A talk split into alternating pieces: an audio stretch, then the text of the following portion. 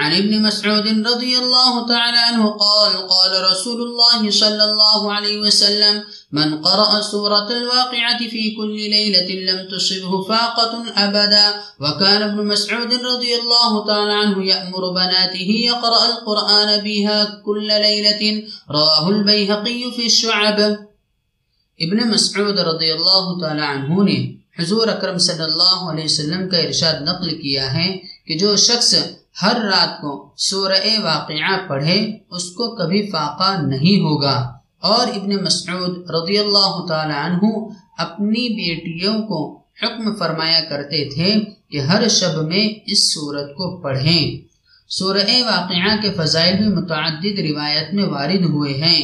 ایک روایت میں آیا ہے کہ جو شخص سورہ حدید اور سورہ واقعہ اور سورت الرحمن پڑھتا ہے۔ وہ جنت الفردوس کے رہنے والوں میں پکارا جاتا ہے۔ ایک روایت میں ہے کہ سورہ واقعہ سورت الغنا ہے۔ اس کو پڑھو اور اپنی اولاد کو سکھاؤ۔ ایک روایت میں ہے کہ اس کو اپنی بیویوں کو سکھاؤ۔ حضرت عائشہ رضی اللہ تعالی عنہ سے بھی اس کے پڑھنے کی تاقید منقول ہے۔ مگر بہت ہی پست خیالی ہے کہ چار پیسے کے لیے اس کو پڑھا جائے۔ البتہ اگر غنائے قلب اور آخرت کی نیت سے پڑھے تو دنیا خود بخود ہاتھ جوڑ کر حاضر ہوگی۔